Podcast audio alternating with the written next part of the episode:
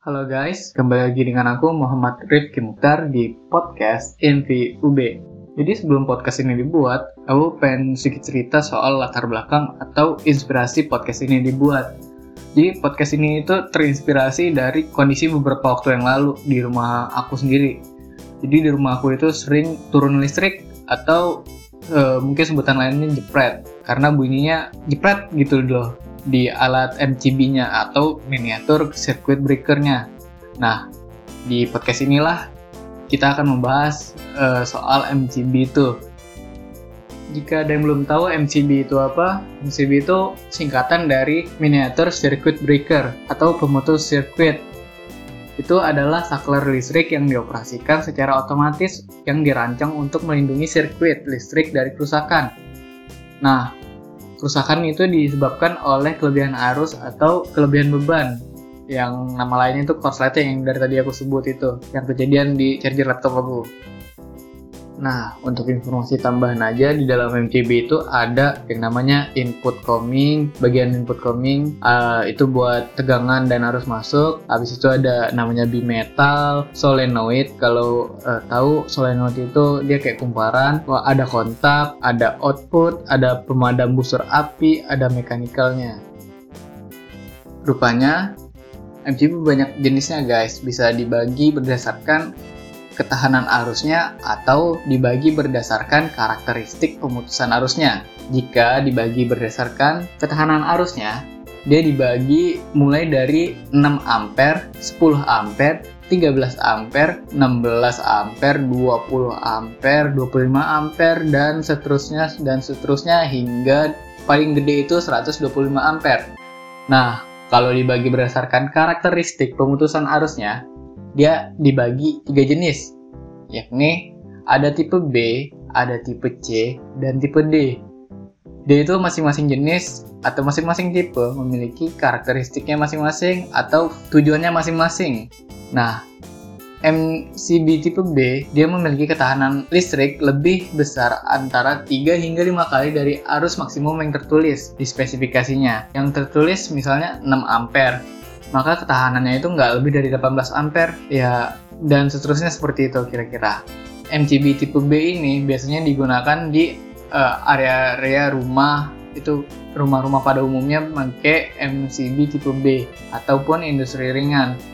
Nah selanjutnya ada MCB tipe C itu dia akan memutus arus ketika beban lebih besar 5 kali hingga 10 kali lebih besar dari arus maksimum yang tertulis. Nah, tipe C ini biasanya digunakan di gedung yang memakan penerangan yang banyak di banyak titik gitu kayak uh, gedung kantor itu kan lebih gede daripada rumah cakupannya. Nah, atau pada motor listrik dengan arus sedang gitu kalau untuk tipe C.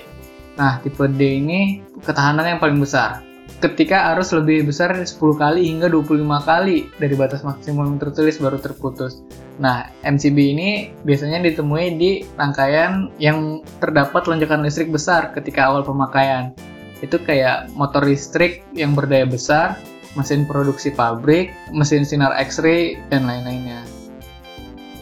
Menuju bagian yang paling penting menurut aku di podcast ini, menurut aku ya, itu adalah cara kerja MCB itu sendiri. Nah, MCB ini memiliki dua prinsip kerja, yakni uh, dengan thermal tripping atau pemutusan arus karena reaksi panas dan magnetic tripping, pemutusan arus karena efek gaya magnet. Nah, yang berperan untuk menangani thermal tripping atau pemutusan arus karena reaksi panas adalah bimetal dan yang menangani magnetic tripping atau pemutusan arus karena efek gaya magnet adalah solenoid yang tadi sebelumnya sudah diceritakan mengenai komponen-komponen dalam MCB itu sendiri. Kedua prinsip yang digunakan pada MCB yakni thermal tripping atau pemutusan arus berdasarkan reaksi panas dan magnetic tripping pemutusan arus karena efek gaya magnet itu mereka berdua berjalan bersama-sama dan saling melengkapi seperti aku dan dia. Kenapa mereka harus bekerja sama-sama? Karena pada saat terjadi short circuit atau hubung singkat antara fase dengan netral, maka akan menghasilkan medan magnet yang sangat kuat dan arus yang sangat besar akan diteruskan ke kumparan induksi atau yang kita kenal tadi namanya solenoid. Yang selanjutnya akan mendorong palang untuk membuka kontak sehingga posisi menjadi off. Berbeda dengan magnetic tripping, thermal tripping itu terjadi pada kondisi overload atau kelebihan beban. Nah, MCB itu memanfaatkan sifat dari bimetal yaitu mudah memuai saat diberi panas yang berlebih. Sehingga pada kondisi normal atau dingin, bentuk bimetal itu lurus pada saat arus yang dialirkan ke MCB melebihi kemampuan MCB, maka akan menimbulkan kenaikan suhu pada batang bimetal yang selanjutnya akan memutus kontak karena kontak bergeser akibat pemuaian bimetal itu sendiri.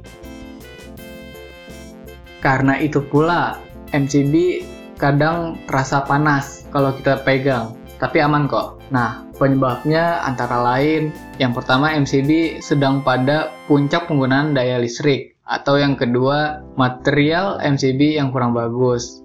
Yang ketiga, kabel listrik menuju MCB longgar. Itu bisa menghasilkan panas juga. Yang keempat, arus yang melewati MCB melebihi kapasitas yang nanti akan memutus uh, arus karena thermal tripping tadi. Itu juga kenapa kadang saat kita menaikkan knob atau tuas pada MCB, tapi tuas nggak mau naik atau dia kayak nolak kita gitu loh, kayak ditolak. Aku nggak mau naik.